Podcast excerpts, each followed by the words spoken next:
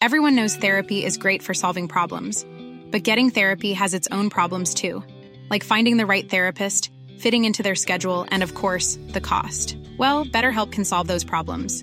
It's totally online and built around your schedule. It's surprisingly affordable too.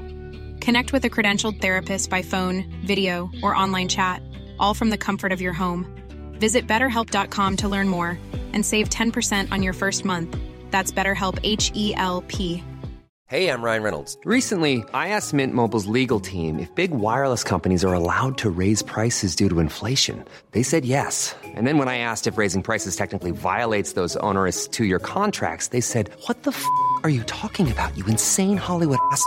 F- So to recap, we're cutting the price of Mint Unlimited from $30 a month to just $15 a month. Give it a try at mintmobile.com slash switch. $45 upfront for three months plus taxes and fees. Promo rate for new customers for limited time. Unlimited more than 40 gigabytes per month. Slows. Full terms at mintmobile.com.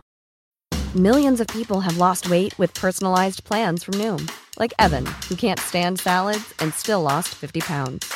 Salads, generally, for most people, are the easy button, right? For me, that wasn't an option. I never really was a salad guy. That's just not who I am. But Noom worked for me. Get your personalized plan today at Noom.com. Real Noom user compensated to provide their story. In four weeks, the typical Noom user can expect to lose one to two pounds per week. Individual results may vary. Palmemordet Palmepanelen del 1 med Gunnar Wall och Johan Lundqvist.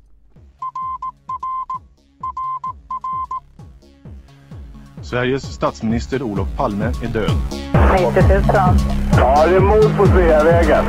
Hörde de säger att det är Palme som är skjuten. Mordvapnet med säkerhet är en Smith Wesson, en revolver kaliber .357. Inte ett svar. Det finns inte ett svar.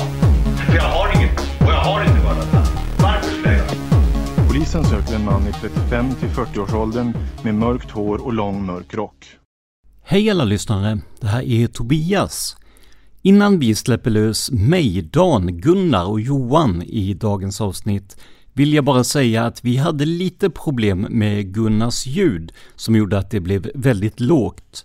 Vi har försökt att åtgärda det så gott det går i klippningen, men i och med att alla gäster ligger på samma kanal kan det ibland uppstå en situation där en annans gäst medhåll eller liknande hörs väldigt tydligt under en utläggning av Gunnar.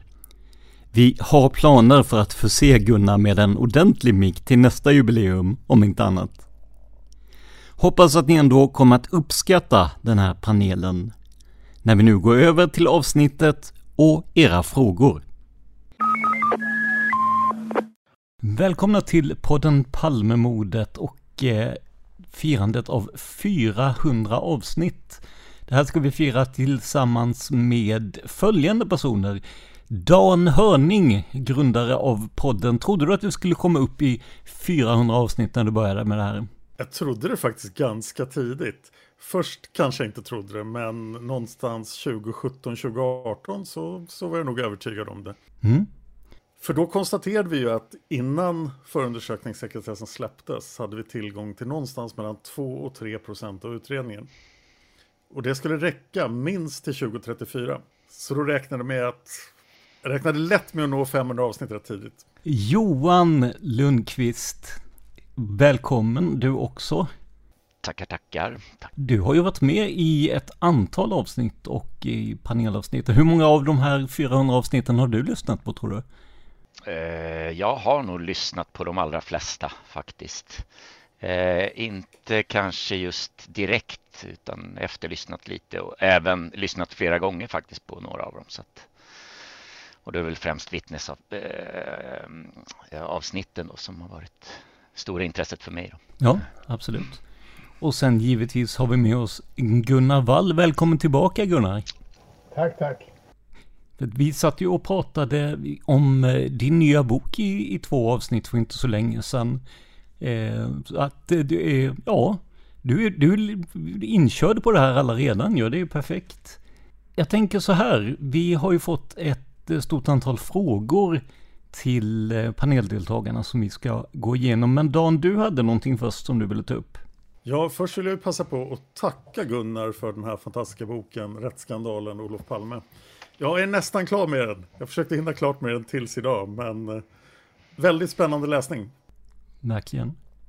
Sen har jag ett meddelande från eh, Mattias Kressmark och Jonas Nyman. De hälsar att det blir en Palmemordskonferens även 2024. Den kommer att gå av stapeln på söndagen den 25 februari. Det kommer att vara på samma ställe som sist, alltså Västmanska palatset i Stockholm bakom Adolf Fredriks kyrka, relativt nära mordplatsen. Upplägget blir ungefär som förra året, men med ett antal förbättringar och och eh, nya talare. Det kommer att ingå lunch och fika. Och nytt för i år är att det även kommer att bli ett mingel eller after work på plats. Alltså, vi stannar kvar på Västmanska palatset och lallar inte ut på stan som vi gjorde förra året. Och på det här minglet kommer det att finnas mycket tid för diskussioner, nätverkande och chanser att prata med talarna efter konferensens slut. Och när ni hör det här kommer det redan att finnas ett anmälningsformulär ute på internet. Och det kan ni hitta om ni går in på Palmerummet eller Palmemordet FUP och övriga handlingar på Facebook. Om du inte använder Facebook kan du mejla Mattias på mattias.kressmark.com för att få länken till anmälan. Antalet platser är begränsat och inträde kommer inte att gå att lösas på plats. Och förra året tog platserna slut. Mattias och Jonas hoppas att de träffar er där. Och jag kan ju redan nu avslöja att jag har lyckats smygla in mig själv som konferencier igen. Så jag kommer att springa omkring och presentera talare. Mm, så är det. Det är ju ett utmärkt tillfälle för lyssnarna att eh, då dels få en väldig massa bra föreläsare kring ämnet Palmemordet och också få mingla med eh, oss som eh, gör podden och medverkar där också ju. Och då måste jag förstås också nämna den traditionella Palmevandringen som blir som vanligt den 28 februari på onsdagen då. Och den är öppen för alla som sponsrar den här podden på Patreon. Så information kommer ut på Patreon innan nyår. Men då så, mina vänner, ska vi göra så att vi går direkt på frågorna. Vi har ett, ett, ett eh, 40-tal, jag tror till och med lite drygt eh, ett 40-tal frågor. Vi får se hur, hur mycket vi hinner och orkar med här, men det, det vi kör. Eh, Dan, ska du och jag ta och läsa varannan fråga som vanligt eller? Ja, det låter väl bra. Ja, absolut. Och då börjar vi med en eh, fråga från Stefan Karlsson, skriver Hej Tobias och Dan, här är en fråga till avsnitt 400 till er alla. I de dokument som lämnas ut från utredningen är maskningen ett problem. Man maskar ofta med hänvisning till sekretess på grund av möjlig skada för enskild, trots att det i vissa fall uppenbart inte stämmer. Ibland är det detaljer som inte på något sätt kan antas identifiera en person. Ibland är det redan allmänt kända uppgifter och ibland information om hemlig statlig verksamhet som väl snarare borde anges som sekretess på grund av rikets säkerhet. Enligt en dom från kammarrätten om handlingar rörande Stig Engström är skyddet för enskild mindre om den enskilde är avliden och inte har några barn. Vid begärande om handlingar om annan person med samma förutsättningar, Viktor Gunnarsson, bifogade jag domen från kammarrätten och begärde att den skulle gälla även min aktuella begäran. Men ändå fick jag starkt maskade dokument tillbaka och tvingades begära ett myndighetsbeslut innan domen följdes. Kan det finnas något sätt att generellt protestera eller invända mot denna uppenbart felaktiga hantering istället för att tvingas begära myndighetsbeslut och överklaga till kammarrätten i enskilda fall? Med vänliga hälsningar Stefan. Vem känner sig manad på den här frågan? Nej, ja, men jag kan ju börja lite grann. Jag kan bara säga att det här är en angelägen fråga. Det är väldigt illa många gånger tycker jag. Ibland är det slumpmässigt vad man får ut och ibland så verkar det vara systematiskt så att eh, man hänvisar till skada om en för enskild när det egentligen handlar om hemlig verksamhet av olika slag. Va? Och jag kan tänka mig att speciellt när det gäller Stay Behind som ju inte existerade officiellt så att säga.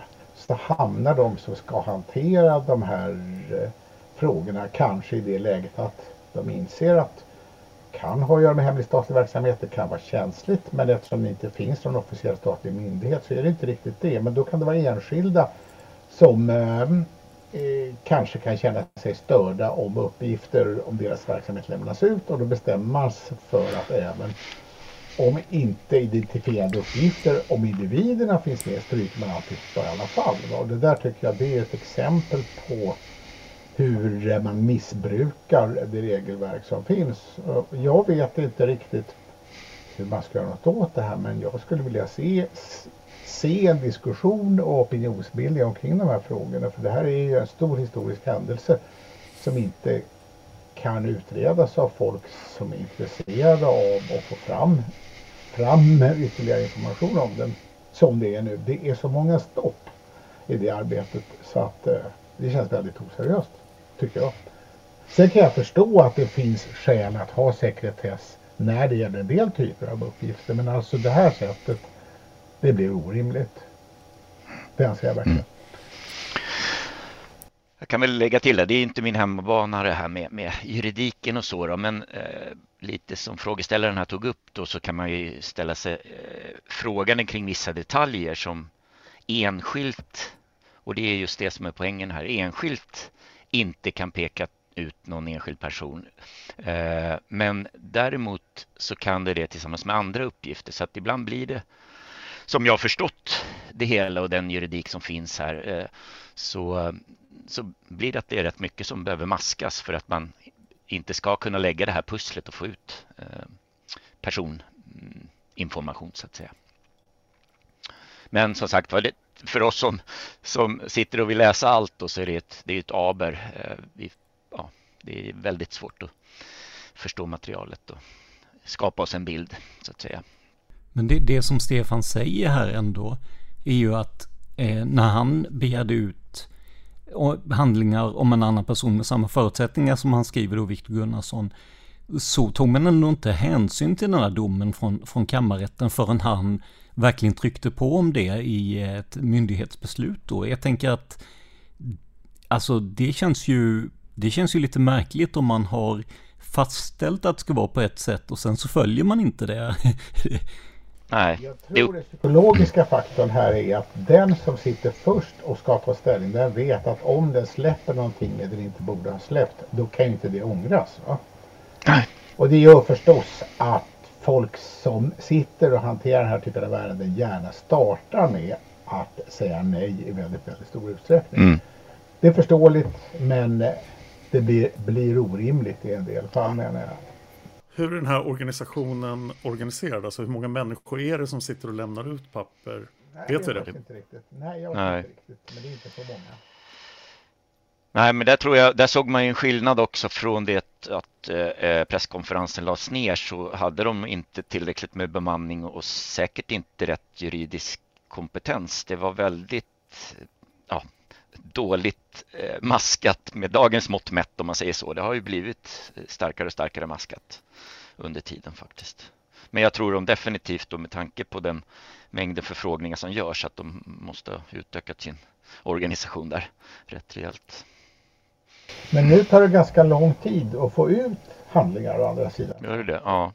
Ja, så de kanske. De ligger lite efter just nu tror jag. Ja, ja. Vi får väl se hur det fortsätter. Nästa fråga kommer från Henrik Malm. Han säger Hej, jag undrar om Gunnar kan ge några detaljer om kuppförsvarsövning utifrån att han har fått ta del av ett manus från en JB Lindqvist. Vad är hans kommentar kring vittnet på Klarabergsgatan och har han undersökt detta på något sätt? Ja, J.B. Lindqvist som jag har samarbetat med en del har alltså skrivit en text som handlar om tecken på en kuppförsvarsövning och hur vittnesmål ger stöd för att det skulle kunna vara på det sättet. Och sen skulle den, den övningen då ha spårat ur kan man säga. En hel del av de uppgifterna som han har tagit upp har jag med i min bok men han är, han är mer utförlig och sätter in det i ett längre resonemang också där jag har varit mera återhållsam helt enkelt. Eh, och eh, det han beskriver är helt enkelt hur det ser ut som om en del av centrala Stockholm har säkrats av folk som har deltagit i en sorts militärt eh, inspirerande övningar så alltså att man haft koll på infarter och utfarter till olika områden. Att man har haft folk som har kunnat övervaka ett avgränsat område. Och det är ju naturligtvis intressant. När det gäller den här vittnesuppgiften som Henrik frågade om på Klarabergsgatan. Det handlar alltså om ett vittne som har berättat om två eller tre män som var synliga kort efter mordet och en av dem sa ungefär men han behövde väl inte döda honom eller, eller något sånt där. Och det eh, kan man ju tolka som att några som har varit med i en övning reagerat över att det blev allvar under övningen helt enkelt. Svårt att veta hur mycket man ska ta det här vittnesmålet på allvar men eh, det är i sammanhang med andra vittnesuppgifter så är det intressant. Kan jag lägga till där? Det skriver inte mm. J.B. Lindqvist specifikt om i sin text. Just det här vittnesmålet gör han inte. Ja. Yes. Nej, jag har väl inga vidare kommentarer annat än att eh, uppslagsnumret där är D363 för lyssnarna. Som, om de är eventuellt intresserade av vittnesmålet så är det uppslagsnummer D363. Mm, det är bra, jag försöker bli bättre på det när jag kör avsnitt också och nämna det. För det, det, har, eh, det är faktiskt du Johan som har eh, ja, på ett vänligt sätt påpekat att det kan vara bra att ha och det är ju helt rätt. Det är ju, man måste kunna kolla vad vi går ut med så vi inte sitter och hittar på saker. Nej men absolut. Nästa fråga då kommer från Mattias Kressmark, en av initiativtagarna bakom Palmemotkonferensen.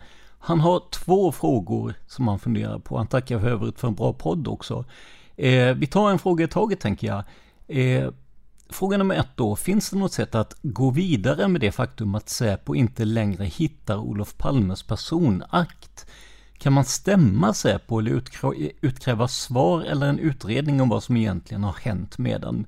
Ska vi börja i den änden? Eh, jag misstänker att det är, ja, Gunnar, ska du, har du någonting där? Ja, jag kan säga lite grann.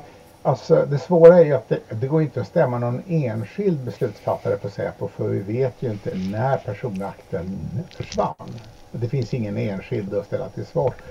Utan eh, frågan är om man då, alltså man kan ju polisanmäla ett brott om man anser att det har begåtts inom Säpo och då gör man ju det och så får man se om det leder till en utredning vilket jag kanske inte tror så mycket på.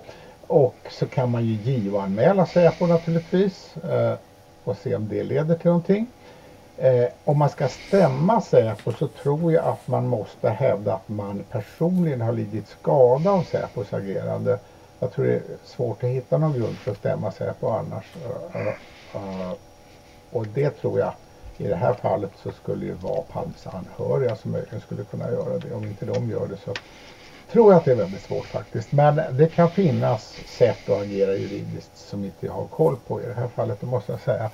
Eh, men det som skulle behövas om man ville få ett resultat, det skulle vara, tror jag, att regeringen tillsatte en särskild utredare eller något sånt där, en kommission eller liknande med befogenhet att gå igenom Säpos arkiv och också med befogenheter att eh, förhöra personer inom Säpo så att de måste svara under ed på frågor om verksamheten. Det skulle kanske kunna leda till någonting men det är inte säkert det heller. För det kan ju vara så att den här akten har försvunnit långt innan de som idag jobbar på Säpo fanns där. Och då kan ju alla alla ärligt kanske säga att vi har ingen aning.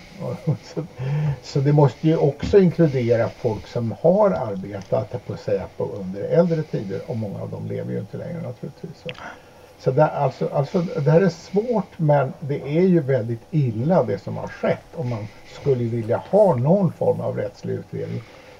Hur en så central handling som rör utredningen bara kan gå upp i rök eller vad som nu har hänt med den. Alltså, mm. alltså det är ju skandalöst skulle jag vilja säga. Ja.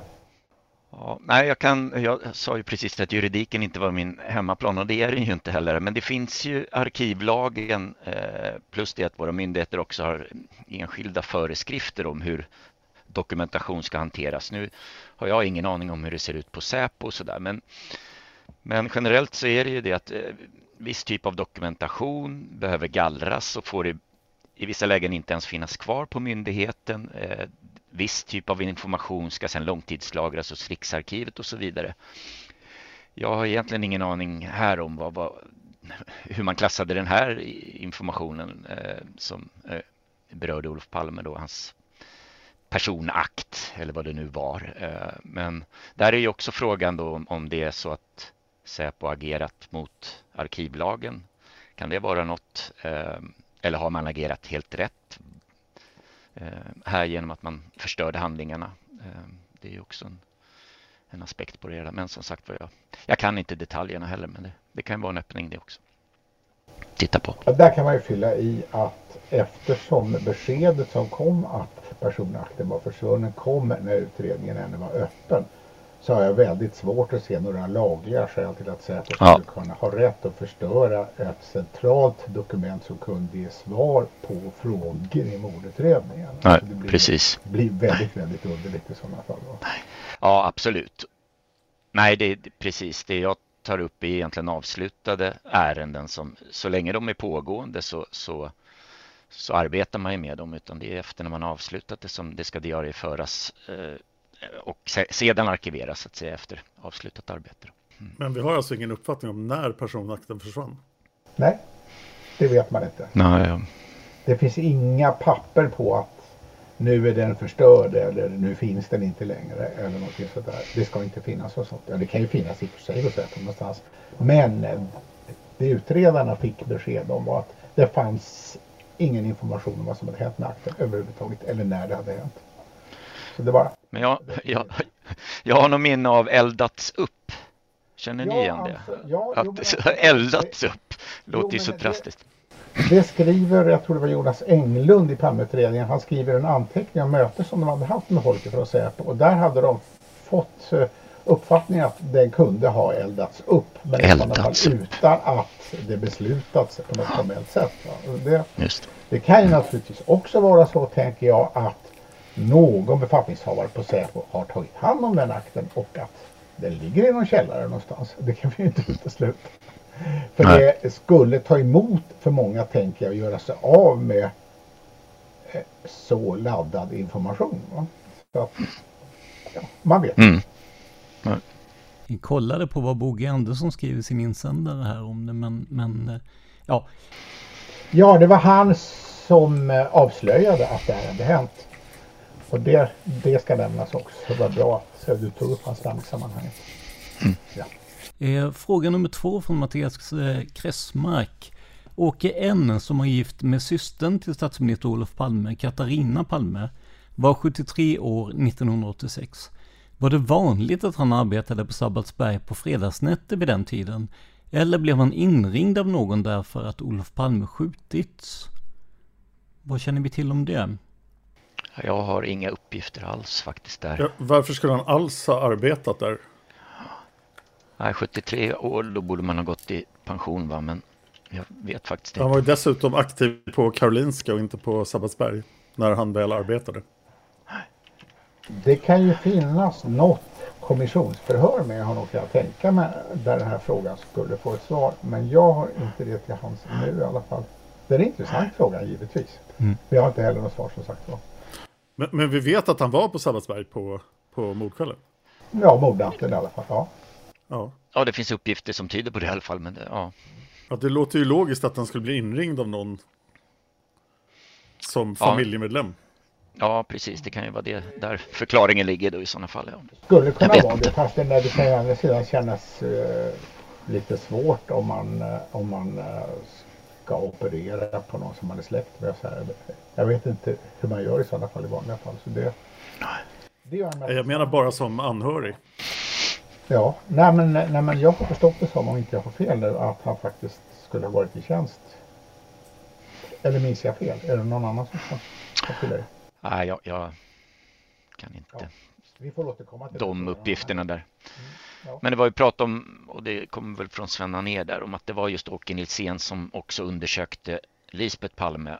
Eh, men där tror jag även att hon blev undersökt av någon av eh, sjuksystrarna där på på SAB också eh, som ja, tittade till såret på ryggen. Hon blev ju inte, hon blev ju inte regelrätt medicinskt undersökt. Det, det var det viktigaste man kan säga om det. Och det kan man ju säga på ett sätt att det inte spelar stor roll för att hon hade ju inte någon allvarlig skada men det borde ändå ha registrerats naturligtvis. Dokumenterat ja, precis. Nej, ja. det gjordes det inte. Life is full of what ifs. Some awesome. Like what if AI could fold your laundry? And some, well, less awesome. Like what if you have unexpected medical costs? United Healthcare can help get you covered with Health Protector Guard fixed indemnity insurance plans they supplement your primary plan to help you manage out of pocket costs. No deductibles, no enrollment periods, and especially no more what ifs. Visit uh1.com to find the Health Protector Guard plan for you. Burrow's Furniture is built for the way you live. From ensuring easy assembly and disassembly to honoring highly requested new colors for their award winning seating, they always have their customers in mind. Their modular seating is made out of durable materials to last and grow with you. And with Burrow, you always get fast, free shipping. Get up to 60% off during Burrow's Memorial Day sale at burrow.com slash ACAST. That's burrow.com slash ACAST. burrow.com slash ACAST. How would you like to look five years younger? In a clinical study, people that had volume added with Juvederm Voluma XC in the cheeks perceived themselves as looking five years younger at six months after treatment. Look younger, feel like you. Add volume for lift and contour in the cheeks with Juvederm Voluma XC. Reverse signs of aging by adding volume to smooth laugh lines with Juvederm Volure XC.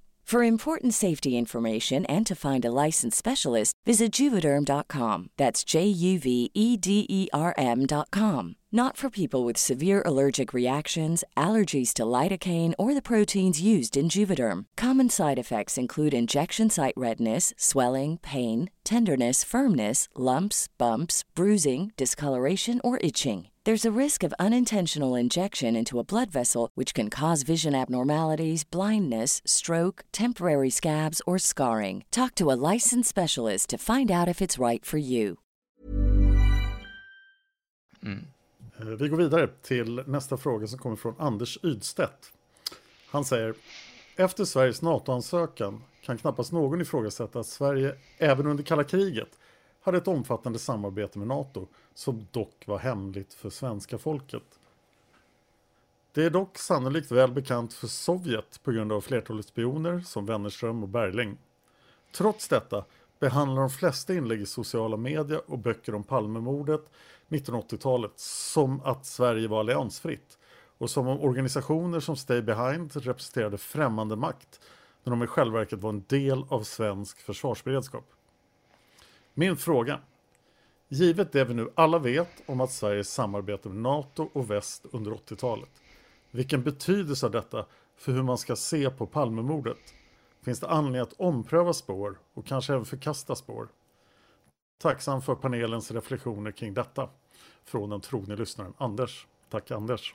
Jag kan börja eh, och säga det att eh, det här illustrerar att det fanns ett gap emellan emellan den officiella sanningen om Sveriges internationella relationer på det här området och hur det var. Och det innebar i sin tur att det fanns saker som inte kunde sägas. Eh, och det tror jag har påverkat utredningen på det sättet att eh,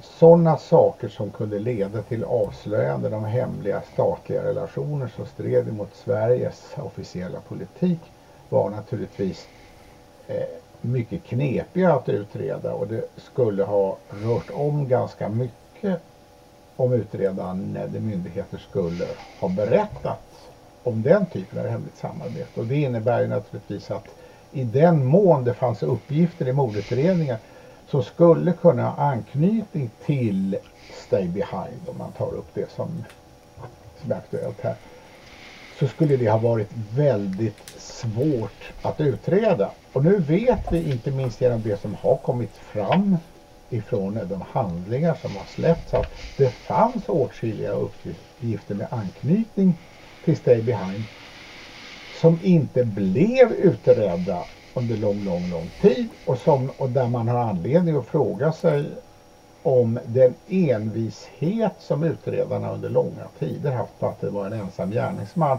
om det kan finnas ett samband emellan det och en vetskap om att det fanns uppgifter som gick i en annan riktning som man absolut inte fick utreda. Det vi kan konstatera i alla fall att utredningen under slutåren ägnade man stor energi åt att undersöka just en möjlig stay behind-koppling till mordet. Och som vi vet slutade det med att man körde fast i de avseendena. Man kom helt enkelt ingenstans. Men eh, och det kan i sin tur ha, ha att göra med att det var naturligtvis så att folk som var aktiva i Stay Behind-nätverket skulle ju inte samarbeta med andra myndigheter överhuvudtaget och avslöja någonting om vad de hade arbetat med. Så att, att eh, jag tror absolut att åtminstone kan man säga, säga det att utredningen har ju lidit skada av det hemlighetsmakeri som har funnits om de här sakerna. Ja, ja det här är mer Gunnars hemmaplan sådär så att jag har inte så mycket att kommentera här faktiskt. Känner jag. Ska vi gå vidare då till eh, frågan från Jeremia Björkman Karlsson som har varit med i podden tidigare ju. Han skriver min fråga handlar om något som jag tagit upp på min YouTube-kanal men som jag tycker inte diskuteras tillräckligt bland Palmeintresserade. Om vi tittar på mordplatsen och tar hänsyn till Palmes fall, mördarens utsträckta arm, revolven och dess längd samt avståndet mellan pipan och Olof Palmes ryggtavla ser vi att mördaren omöjligt kan ha, hun, kan ha kunnat, eh, kan ha eh, kunnat se in på Tunnelgatan innan han avlossade skottet mot Palme. Med andra ord, han tycks ha struntat i att säkerställa en fri flyktväg. Vad säger detta beteende om mördaren? Spekulera gärna fritt utifrån era kunskaper. Ska vi ta ehm, eh, Jeremias kommentarer på en gång där? Visserligen har vi Anders B's ord om att mördaren tycks ha väntat in hörnet korsningen innan skotten, men mördaren har inte, så vitt jag kan se, gjort det riktigt fullständigt. Min tanke är att han enkelt hade kunnat vänta ytterligare en två meter innan skotten. Men av någon anledning skjuter han tidigare och tar alltså en stor risk att flyktvägen ens innan trapporna inte är fri. Låt oss undvika att anta saker vi inte kan bevisa, jag tänker då på medhjälpare. För vi har vittnet Lars J som inte ser någon annan i närheten. Ingen finns där för att säkerställa en fri flyktväg, skriver Jeremia. Och så skriver han att han gärna kan vara med i diskussionen. Då, Jeremia, kan du absolut få ett, ett eh, avsnitt och utveckla det här lite. Men, eh, ja, ska vi börja med Gunnar då? Ja, jag tror inte det var så lätt för mördaren att själv genom en snabb observation säkerställa att vägen var fri. För att han kunde ju inte veta om folk stod gömda bakom barackerna till exempel. Eller om folk närmar sig gathörnet i Luntmakargatan. Så att någon säkerhet kunde han ju säkert inte få ifrån egna observationer. Och det var ju också så kan vi konstatera att eh, när han sprang in i gränden så är det sannolikt att han inte stod inte såg att vittnet Lars J stod dold bakom barackerna utan, utan eh, det hade han nog ingen kunskap om skulle jag tro. Så att eh, Sen vet vi inte, kan det ha funnits andra människor som hade koll på flyktvägen på olika ställen? Det vet vi inte säkert, men det vi vet är ju det att mördaren, mördaren tog med sig vapnet när han flydde. Han slängde det inte ifrån sig. Så han hade ju faktiskt någonting att skydda sig med när han sprang iväg. Och det, och det är väl eh, det kan man väl säga att det är ju ett argument för att han kan ha varit ganska säker på att eh, det här var en rimlig flyktväg ändå för att även om någon skulle ha stått där kunde han lätt ha hotat den människan och fått fri väg i alla fall. Eh, men eh, det är ju klart, han tog ju en risk därför att han kan ju inte haft någon fullständig koll naturligtvis. Sen vet vi inte heller vilken hjälp kan han ha haft när han kom upp på åsen. Kan det ha varit förberett? Ja, det hänger ju helt och hållet på om vi tror att mordet kan vara planlagt innan eller inte. Va? Eh, men ja, nej men alltså. Eh, vi vet ju egentligen bara det att gärningsmannen att han agerade snabbt och beslutsamt. Alltså han, han verkar inte ha varit osäker på vilken väg han skulle fly och han lyckades med att försvinna också. Och det kan vi ju förklara på olika sätt. Jag, jag tror ju att det är ett akademiskt scenario att han skulle uppleva, eller att han skulle bli stoppad innan han kommer upp för trappan. För att han har ju redan tagit en stor risk och han är säkert beredd att ta en risk till här. Och i 99, 99 gånger 100 när han springer in i gränden så är det ingen som kan stoppa honom där. Att någon skulle försöka kasta sig över en flyende revolverman måste ju höra till ovanligheterna tänker jag. Och i och med trappan har han ju valt en väg där han inte kan bli förföljd av en bil. Utan det måste ju huvudsakligen vara poliser han tänker på som, som ett hot. Eller livvakter då.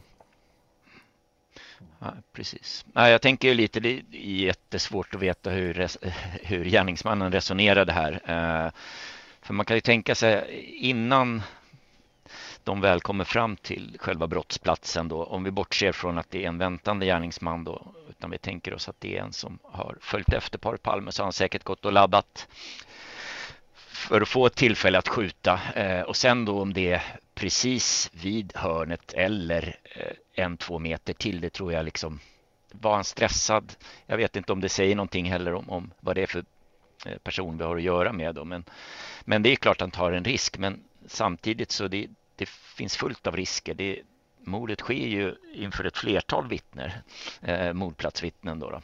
Så att det är ju, och som sagt vad som jag tror Gunnar var inne på där, man vet ju inte heller vad som finns bakom nästa hörn. Det är omöjligt att liksom planera eller så.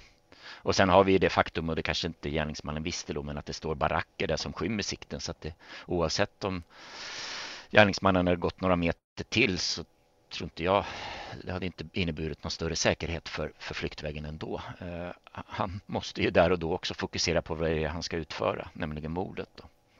Så att, eh, nej, det är jättesvårt. Jag, ja, jag vet inte riktigt vad, vad man ska säga mer om.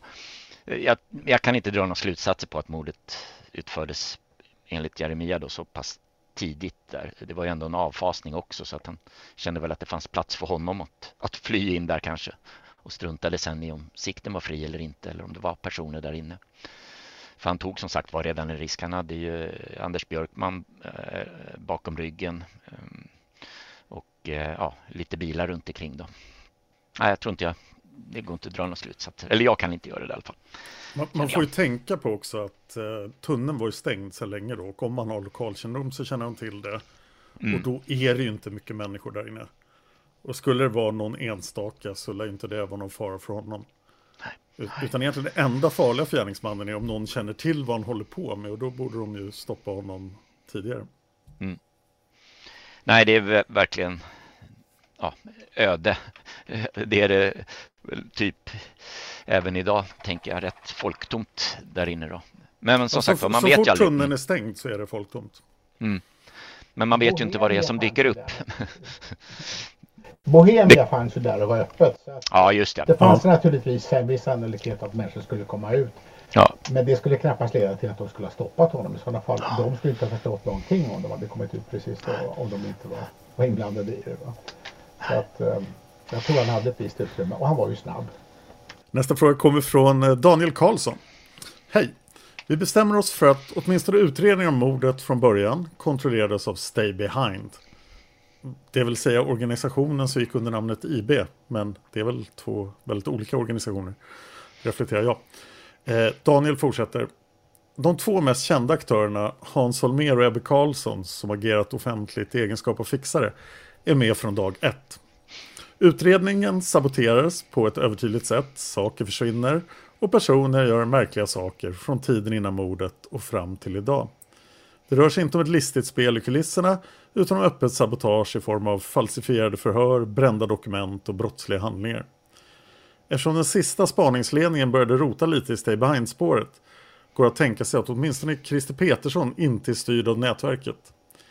Min fråga är, kan man se några indikatorer på att Stay Behind är aktivt idag? Alltså, dels är det ju som Dan sa att Stay Behind the IB var inte samma sak. Det fanns uppenbarligen överlappningar, det kan vi väl vara helt övertygade om. Men, men eh, alltså det man kan säga är att det skulle vara konstigt om det inte finns någon motsvarighet till Stay Behind-nätverket idag. Jag skulle tro att i och med Sovjetunionens fall så tror jag att under ett antal år så tror jag att Stay Behind mer eller mindre avvecklades. Kan jag tänka mig. Men att man då har hittat nya former att organisera något liknande nu.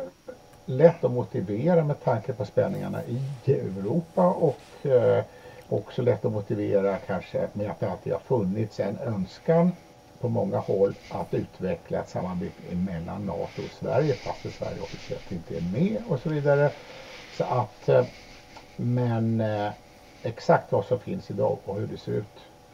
Jag har inte någon viktig information att komma med det. det har jag inte. Jag har ett uttalande från en person i flottan som eh, vill förbli anonym som sa till mig att det är självklart att det finns kvar idag. Ska vi gå vidare då till eh, en fråga från Erik Kjellander.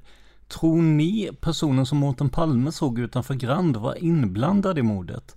Om han inte var det, finns det något av vittnena som finns i förundersökningen ni tror eh, han skulle kunna vara? Det vore synd om han var ett vittne som aldrig hördes.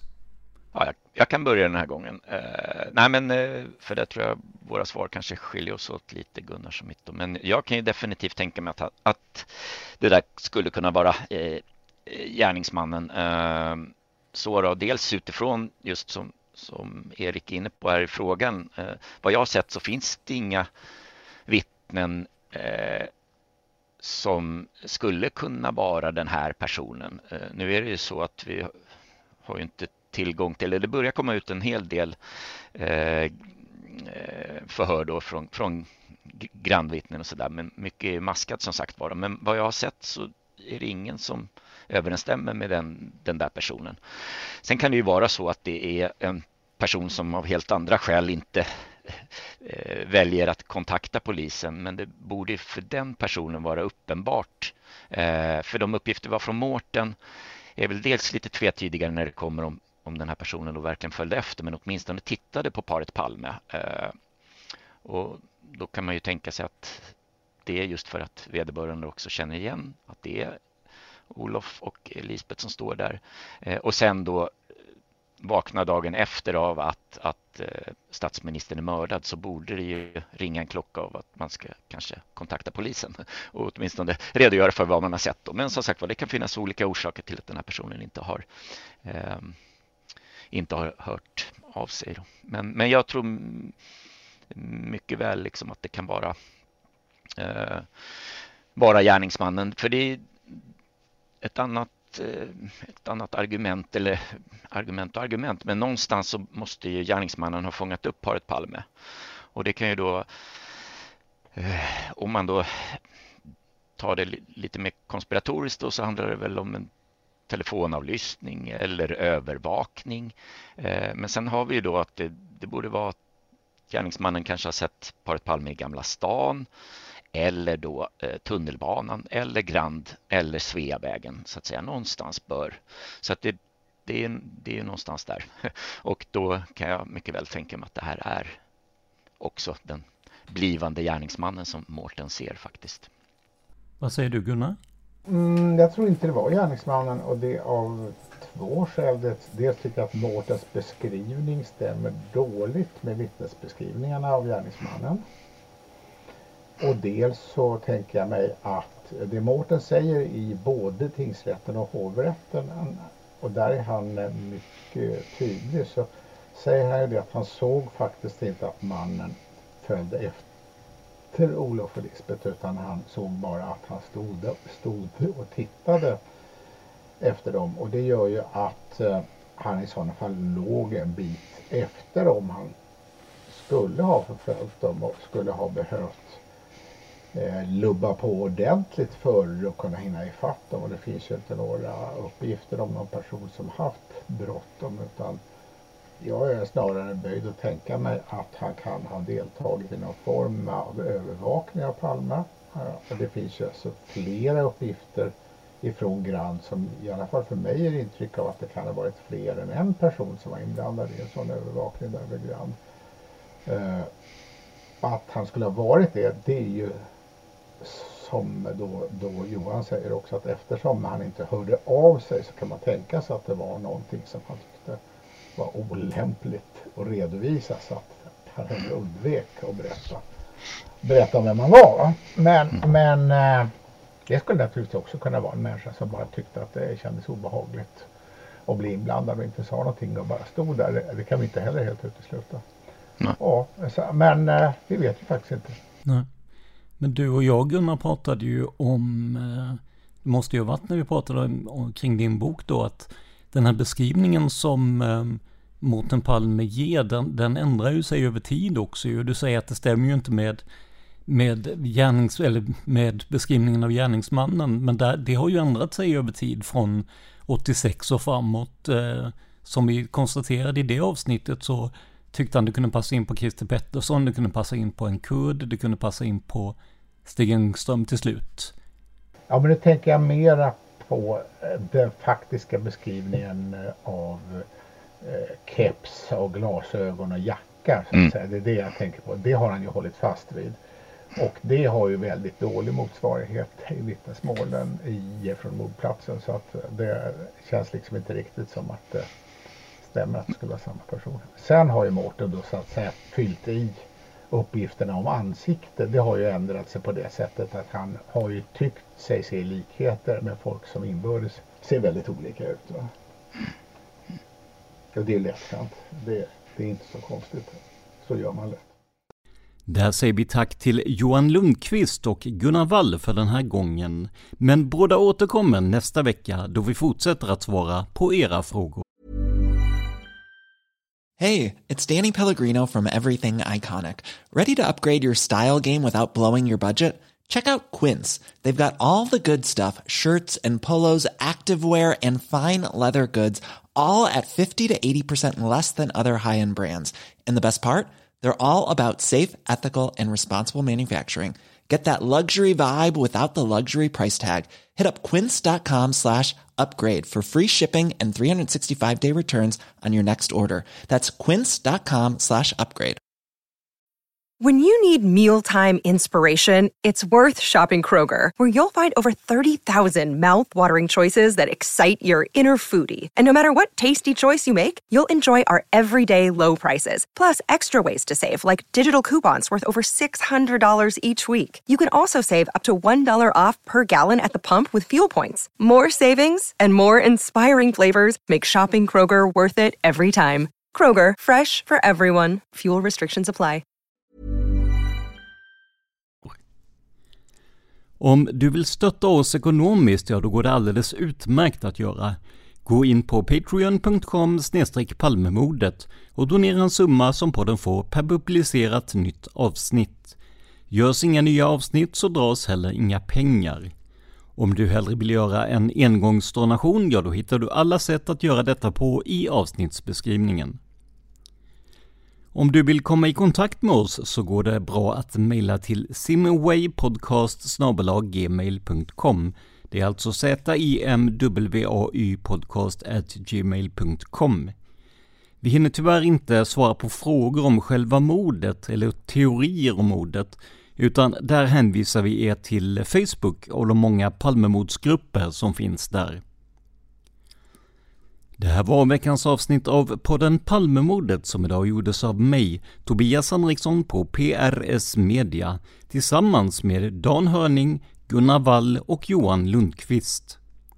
För mer information om mig och mina projekt besök facebook.com prsmedia.se eller gilla oss på Instagram där vi heter PRS Media, ett ord, små bokstäver. Stort tack till Gunnar och Johan för er medverkan i dagens avsnitt. Men framförallt, stort tack för att du lyssnar på podden Palmemordet.